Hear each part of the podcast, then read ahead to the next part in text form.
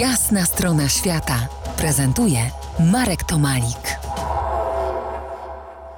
Dziś y, po jasnej stronie świata goszczę panie profesor od zimnych y, podbiegunowych krain, biologa Agatę Olech i geologa Monikę Kusiak. Agato, cofnijmy się jeszcze raz dzisiaj w czasie, 43 lata wstecz, do roku 1979.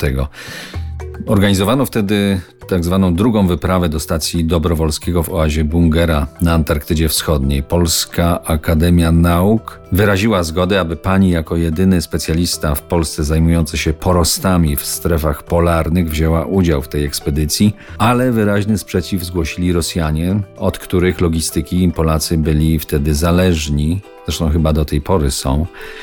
Do wyjazdu nie doszło. Pozostały pani jeszcze emocje po tamtych chwilach? Wspominam to bardzo źle. Przede wszystkim y, wtedy czułam się jakaś gorsza, jakaś nieszczęśliwa, że nie, nie urodziłam się chłopcem. Jeszcze dodam, że byłam mm, w tym czasie jedynym lichenologiem w kraju naszym, jednym z niewielu lichenologów na świecie, którzy znali porosty antarktyczne. To zaledwie kilka osób. Musiały minąć aż y, wcześniej wymienione przeze mnie 43 lata, aby, aby w y, oazie Bangera na Antarktydzie przy stacji polarnej Dobrowolskiego stanęła pierwsza Polka, profesor Monika Kusiak. Moniko, zamierzasz tam wrócić? A jeśli tak, to kiedy? W towarzystwie, jak w tym roku, wyłącznie panów, czy też jakaś kolejna Polka się pojawi?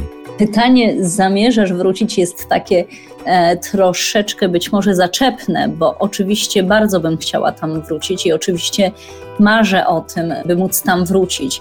Natomiast e, logistyka w te rejony Antarktydy jest e, jeszcze bardziej skomplikowana niż wiele innych antarktycznych rejonów i obecnie nie ma pewności, czy uda nam się wrócić, gdyż Polska no, nie ma jednostki pływającej odpowiedniej klasy lodowej, by móc w tamte rejony się dostać korzystanie z logistyki, oczywiście rosyjskiej, z tej, której korzystaliśmy, no nie wchodzi już w grę.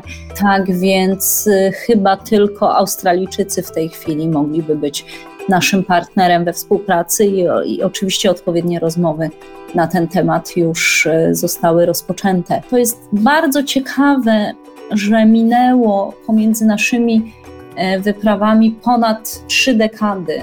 I właściwie chyba tylko na tym etapie no, mogłybyśmy zacytować yy, słowa Stanisława Baranowskiego z roku 1971, jednego z no, budowniczego stacji Hornsund na Spitsbergenie, glacjologa, który powiedział, czy napisał w pamiętnikach, że problemem nie jest udział kobiety w wyprawie polarnej, ale poziom kultury pozostałych uczestników. I to jest zdanie, pod którym no tutaj my obie zdecydowanie się podpisujemy. Do tematu badań, polskich badań wokoło bieguna południowego, ale też i północnego.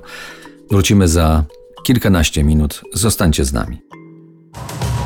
To jest jasna strona świata w RMS Classic.